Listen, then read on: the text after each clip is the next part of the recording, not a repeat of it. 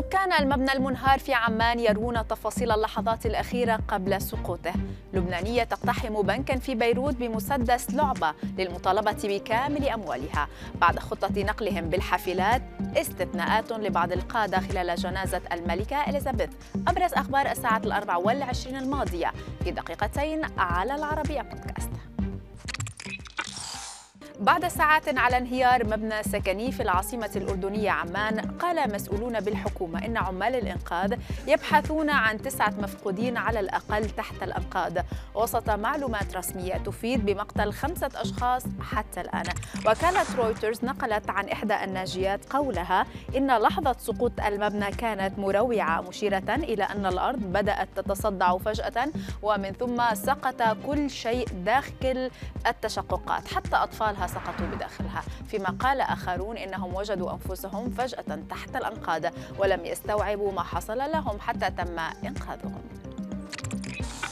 في لبنان قالت زينة حافظ شقيقة سالي حافظ التي اقتحمت بنك لبنان والمهجر في ضواحي بيروت قالت إن ما أقدمت عليه أختها سالي كان تصرفا فرديا غير مخطط له.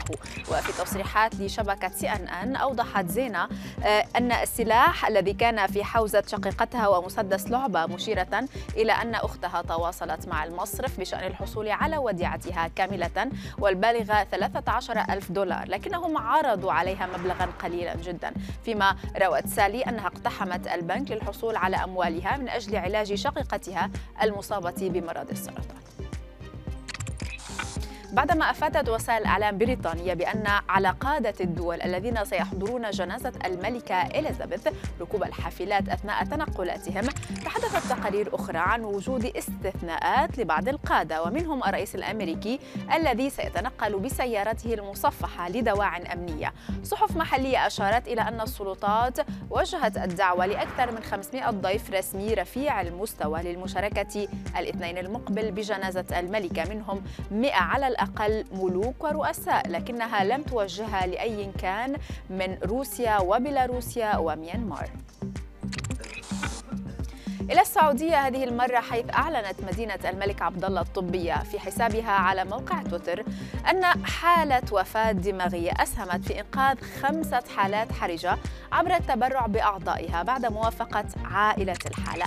المدينة الطبية الواقعة في مكة المكرمة أوضحت أن الحالات التي جرى إنقاذها هي زراعة قلب لطفلة بعمر عشرة أعوام وزراعة الكلية اليمنى لطفلة بعمر 14 عاما وزراعة الكلية اليسرى الأسرة لمريض بعمر 38 عاما إضافة إلى زراعة كبد لسيدة بعمر 60 عاما وأيضا زراعة رئة لفتاة بعمر 20 عاما.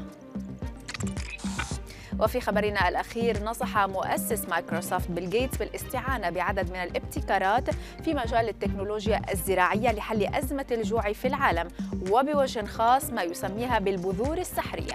في تقرير صدر عن مؤسسة بيل وميليندا جيتس قال الملياردير الأمريكي إن هذا الابتكار الذي يعد اختراقا في هذا المجال هو عبارة عن محاصيل مصممة للتكيف مع تغير المناخ ومقاومة الآفات الزراعية مشيرا إلى أن أزمة الجوع العالمية هائلة لدرجة أن المساعدات الغذائية لا يمكنها معالجتها بشكل كامل على حد قوله.